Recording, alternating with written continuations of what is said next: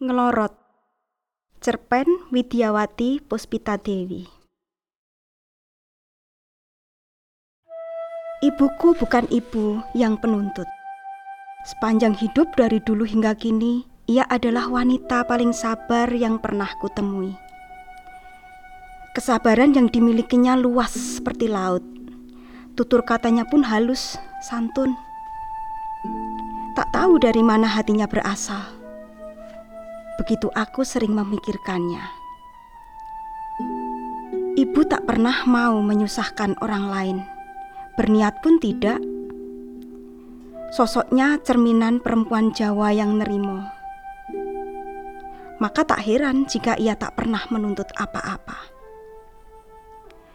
Meskipun begitu bukan berarti ibu adalah perempuan lemah. Di sisi lain, ia perempuan yang kuat dan tangguh yang mempunyai tenaga bagai harimau di tengah hutan. Sendiri ibu mengasuh dan menghidupi aku dari kecil sampai aku lulus kuliah. Seperti tak tahu apa rasa lelah itu. Ia sungguh-sungguh berjuang untuk kehidupan kami berdua dengan bekerja sebagai buruh batik. Gajinya memang tak tinggi, tapi paling tidak selama ia bekerja di pabrik batik Gatot Kaca ini, kebutuhan-kebutuhan ibu dan aku tercukupi. Ibu pembatik yang sangat berbakat. Setiap motif batik yang dicantingnya sangat indah. Sifatnya yang sabar dan telaten itulah yang membuat hasil cantingannya juga rapi dan bagus. Tak banyak lilin yang harus dikoreksi Ibu menjadi pembatik andalan di pabrik batik terbesar di kota Solo milik Pak Suryo ini. Waktu kecil, aku sering menyaksikan jemari ibu memegang canting menari indah di lembaran-lembaran kain mori. Karena setiap hari ibu membawaku bekerja sepulangku dari sekolah. Sesekali pipinya mengembung, bibirnya mancung meniup ujung canting agar suhu cairan malam atau lilin itu menurun sedikit. Kemudian dilukislah kain sesuai dengan gambar motif yang sudah dilukis dengan pensil. Jika ada kebutuhan tambahan, maka ibu masih membawa kain mori itu uh, pulang ke rumah untuk dilanjutkan dicanting sampai selesai. Ibu benar-benar pejuang tangguh. Kata ibu, ayah meninggal tak lama setelah aku dilahirkan saat ayah bertugas. Tak ada foto ayah sama sekali, karena semua foto terkena banjir besar waktu itu. Dan belum semudah sekarang, hanya dengan handphone, setiap peristiwa bisa direkam dan diabadikan. Beberapa kali aku bertanya kepada ibu, seperti apa sosok ayah. Namun, setiap aku bertanya, raut wajah ibu berubah cepat. Mendung kesedihan yang amat sangat segera jatuh di mata ibu. Lalu ibu akan sibuk mengusap matanya yang berair. Kejadian itu selalu berulang setiap aku bertanya tentang ayah. Akhirnya aku menyerah. Tak lagi ku bertanya tentang ayah. Aku lulus kuliah dari hasil keringat ibu sebagai pembatik andalan di batik Katut Koco. Mestinya kelulusan itu membawa kebahagiaan buat kami. Namun yang terjadi justru sebaliknya. Menjadi momen ibu dan aku bertengkar hebat. Meski tak berarti dengan suara tinggi memekik. Kali ini ibu menjelma menjadi sosok yang sangat asing buatku Kesabarannya raib entah ke mana. Membuat aku terkaget karenanya. Mata ibu menajam. Suaranya tegas, tak terbantahkan. Baru kali itu aku mendengarnya. Ternyata ibu tak hanya pekerja keras, tetapi juga berhati keras. Sekar, selama ini ibu tak pernah meminta apa-apa kepadamu. Tapi sekali ini saja, ibu mohon kepadamu, tinggalkan Dimas, Sekar. Ia tak sepadan denganmu. Rangkaian kata ibu lugas. Tak perlu berputar mencari kata indah untuk mengatakannya kepadaku. Seketika aku seperti tersengat beribu lebah. Ibu tidak main-main. Sungguh aku tak mengerti. Kenapa selama ini ibu diam? Tidak melarang Sekar berhubungan dengan Dimas? Tanyaku dengan hati bergemuruh. Ibu tak berpikir kalian serius. Beberapa kali ibu juga melihat kamu jalan dengan yang lain Suaranya terdengar ada sesal. Kami saling mencintai, Bu. Nadaku pelan, tetapi dalam dan bergetar. Ibu menangis. Air matanya menetes. Ibu mohon Sekar. Dimas itu anak Pak Suryo. Tidak mungkin ibu berbesan dengan majikan ibu yang selama ini sudah menolong kehidupan kita. Bahkan lamanya ibu bekerja di batik itu lebih dari usiamu, Dok. Bukankah itu namanya ibu tidak tahu diri dan ngelunjak pada Pak Suryo? Beberapa hari ibu seperti asing bagiku. Tak banyak kata yang meluncur dari bibirnya, seolah menyimpan beribu kesedihan. Bermula kemarin saat selesai wisuda, aku berkata pada ibu kalau Dimas ingin mempersuntingku. Ibu terperanjat mendengarnya. Wajahnya sampai pucat sesaat. Aku tak menyangka reaksi ibu seperti itu. Kali ini sosok ibu menjelma menjadi seorang yang sangat lemah, terpuruk, dan seolah tak memiliki jiwa. Di sisi lain, aku juga tak bisa menipu perasaanku sendiri. Aku memang mencintai Dimas. Kami bertemu dan menjadi dekat di kampus. Sudah begitu dalam perasaan kami sekarang tiba-tiba ibu menyuruhku untuk meninggalkannya. Ada rasa menggeliat kencang, tak rela. Tapi sejujurnya aku juga memikirkan ibu. Selama ini aku adalah segalanya bagi ibu. Hanya akulah kehidupan ibu. Apa yang dilakukan ibu semuanya untuk aku, demi aku. Lalu, apakah aku membiarkan ibu menderita karena aku tak mengikuti keinginannya?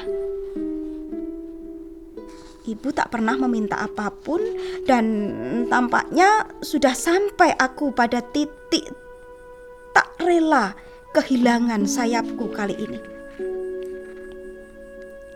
Akhirnya, aku memutuskan menuruti keinginan ibu meninggalkan Dimas. Tak hanya itu, Aku juga sekaligus meninggalkan ibu. Aku berangkat ke Jakarta untuk melupakan Dimas dan ibu tak mampu menahanku untuk tetap tinggal bersamanya di Solo. Aku hanya ingin melupakan Dimas dan itu hanya dapat kulakukan jika aku tak lagi tinggal di sana. Sejak saat itu aku tak pernah sekalipun pulang Ibu yang tak mau berhenti dari pekerjaannya hanya dua kali pernah datang ke Jakarta untuk menemuiku selama hampir dua tahun aku tinggal dan bekerja di Jakarta. Namun tiba-tiba kemarin ibu mengajukan permintaan satu lagi. Kali ini ibu memintaku pulang ke Solo untuk menemuinya. Tak biasanya Mulanya aku tak menanggapi permintaan ibu. Pekerjaan di kantor sedang sibuk-sibuknya. Tapi hati kecilku tak tenang. Aku tak tahu kenapa. Rupanya keputusanku untuk pulang adalah tepat.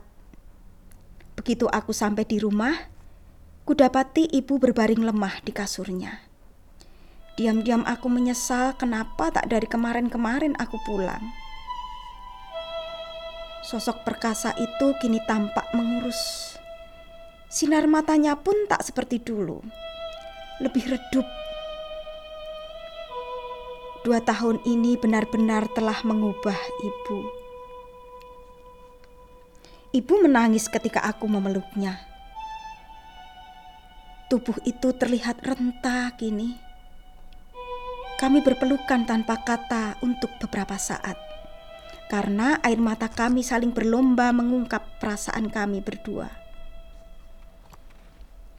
Maafkan Sekar, Ibu. Sekar baru pulang sekarang ucapku susah payah di antara tangisku. Senyum ibu terbit, tipis. Ia memelukku erat, seakan tak rela melepasku lagi. Ibu sangat sayang kepadamu, Sekar.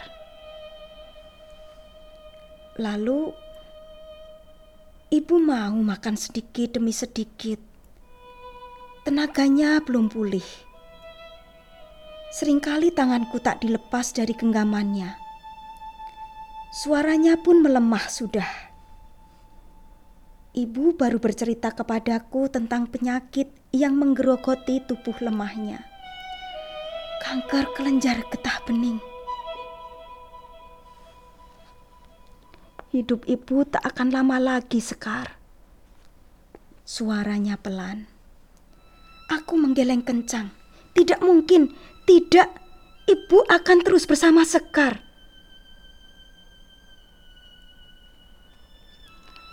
Ambillah kain batik yang ibu simpan di lemari itu, Sekar. Di rak paling bawah. Tumpukan kain-kain batik paling kanan, Sekar. Perlahan aku mencari kain batik yang ibu katakan tadi dan mengambilnya. Tapi kain batik itu masih penuh dengan lilin, bukan kain batik yang tinggal pakai. Meski rasa heran berlipat, aku membawa kain itu kepada ibu. Terasa berat karena masih penuh dengan malam atau lilin Aku tak dapat melihat dengan jelas sebenarnya kain ini bermotif apa, karena seluruh kain itu masih tertutup lilin dan tampak tua. Hanya sekilas aku bisa melihat ada motif parang. Sedikit ragu, kusodorkan kain belum jadi itu kepada ibu. Betul kain yang ini, Bu? Kain yang masih ada malamnya ini? Ibu mengangguk. Diterimanya kain yang berwarna gelap karena lilin menutupi seluruh kainnya. Jarinya yang dulu cantik memegang canting, kini tampak kurus dan ringkih, kering seperti ranting di musim panas. Ibu menyanting kain ini sudah lama sekali, Sekar. Sejak kamu kecil. Mataku membulat. Heran. Ibu berusaha duduk. Aku membantunya bersandar dengan bantal. Bantu ibu membentangkan kain ini, Sekar. Aku membentangkan kain tua itu di atas kasur. Mata ibu berbinar sedikit, sekejap. Tangan kurus itu mengelusnya perlahan, namun mata itu tiba-tiba meredup lagi. Kain ini bermotif parang sekar. Motif batik Jawa. Bentuknya seperti huruf S yang menyambung dan berulang-ulang. Alurnya diagonal. Idenya berasal dari deburan ombak di pantai yang menabrak karang dengan keras dan hebat.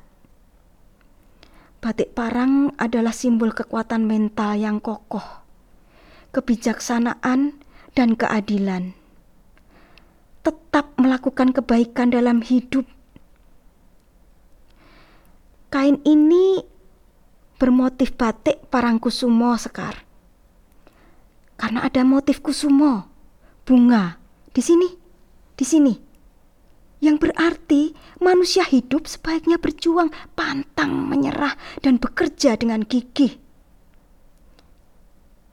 Sampai lahir dan batinnya harum seperti bunga. Kalimat ibu panjang, Kata demi kata dirangkai dengan susah payah. Perlahan, sambil mengelus kain itu.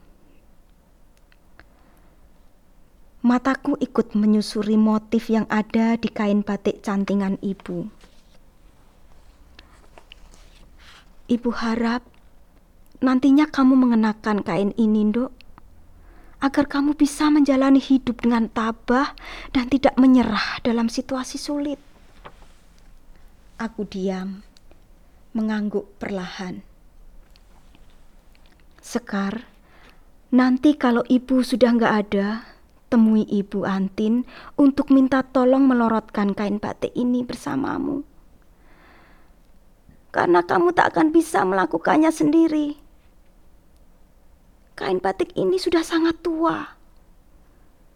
Lilinya pun sudah lekat pada pori-pori kain. Ibu sengaja menyanting lalu menyimpan kain ini sebagai warisan buatmu, Sekar. Kamu akan melihat makna sesungguhnya ketika kain batik ini utuh. Malam itu menjadi malam terakhir ibu bisa berbicara panjang denganku. Karena besoknya mata ibu lebih banyak terpejam. Nafasnya mulai sesak. Sekuat apa pun aku membujuk ke rumah sakit, hasilnya sama saja. Ibu gigih menolak. Ia hanya ingin ada di dekatku, di rumah kami. Ibu hanya ingin dipeluk olehku sampai napas terakhirnya. Ibu pergi dalam dekapanku. Bu Antin sahabatnya di pabrik batik sejak dulu juga ada di samping ibu saat menutup mata abadinya. Mendung hitam, lalu tumpah hujan deras di bumi. Begitu juga air mataku. Dua hari setelah ibu dimakamkan, sepulang aku berziarah di makamnya pagi tadi, aku mampir ke rumah Bu Antin. Kain batik warisan ibu sengaja aku bawa. Dengan mata berkaca, Bu Antin menerima kain batik yang hampir seumur denganku itu. Waktu ibu dimakamkan, aku sudah bicara dengannya tentang amanah ibu. Bu Antin segera menyiapkan peralatan untuk melorot. Ia mengambil panci yang agak besar dan mengisinya dengan air serta mendidihkannya. Aku tak mengerti detil bagaimana cara melorot batik. Yang aku tahu, biasanya kain batik itu dimasukkan ke dalam air mendidih untuk menghilangkan lilinya. Ditambah dengan soda abu atau bisa saja dengan tepung tapioka. Tapi kali ini rasanya tak semudah itu Bu Antin melorot kain yang ini. Sepertinya Bu Antin akan melorot berkali-kali karena lilin sudah masuk ke pori-pori kain. Bisa jadi Bu Antin juga harus mencucinya dengan bensin, kemudian dicuci lagi, dicuci lagi, dicuci lagi. Atau mungkin menggunakan water glass sejenis cairan kental yang biasanya digunakan sebagai penguat warna, tapi juga bisa dicampurkan ke dalam proses pelorotan batik. Kupercayakan saja pada Bu Antin untuk meracik bahan pengelorotan itu. Aku hanya membantunya, meski dengan hati tak tenang. Setelah dilorot, Kain itu diangin-angin sementara kami makan siang di rumah Bu Antin. Aku sangat menghargai usaha Bu Antin membantu melorot kain itu. Butuh waktu lama untuk akhirnya seluruh kain batik itu bersih dari lilin. Warna batik mulai muncul, hanya dominan sogan, kombinasi coklat dan hitam. Bentuk parang di kain ini sungguh indah, halus dan rapi. Begitupun bunga yang ada di antaranya. Aku mengamati keindahan batik ini. Perlahan.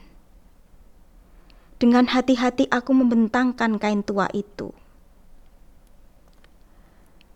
Mataku terhenti ketika menangkap motif yang tak biasa terselip di antara pola parang itu. Ku amati. Tiba-tiba mataku membesar dan eh, jantungku berdegup kencang. Sedetik kemudian aku menoleh ke Bu Antin yang duduk di sampingku. Kulihat wajah Bu Antin seperti kapas. Bu Antin, Kenapa ken, kenapa ada nama ini di dalam batik cantingan ibu? Tanyaku bingung. Bu Antin mengangguk pelan. Dengan suara yang hampir tak terdengar, ia berujar. Sekar, ibumu sengaja menyimpan rahasia hidupnya di kain batik ini. Kini setelah ia tiada, ia ingin mengungkapkan kepadamu. Ibumu tak sanggup jika harus mengatakan pada saat ia masih hidup. Butir air mata menetes di pipiku, semakin menderas. Lalu, lalu nama yang ditulis ibu di sini tercekat tenggorokanku cerita ibumu tentang ayahmu yang meninggal ketika bertugas atau apa pun itu adalah cerita yang dibuat untukmu agar kamu tidak marah pada keadaan. Nama yang dicanting ibumu di situ adalah nama ayahmu. Jawaban Bu Antin membuat aku terhenyak. Tak satu pun kata keluar dari bibirku tahu apa yang harus aku katakan. Berteriak, menangis, atau apa? Yang pasti ada rasa perih muncul di hatiku. Kain batik parangku semua itu aku lipat perlahan. Lebih baik aku simpan lagi di lemari di antara tumpukan kain lainnya. Seperti dulu Paling tidak, ibu sudah berkata jujur kepadaku. Itu sudah cukup, meski ia baru mengatakannya sekarang. Sekali lagi aku melirik nama itu, Suryo. Sebelum aku melenyapkannya dalam lipatan paling dalam, sedalam aku ingin menyimpan semuanya.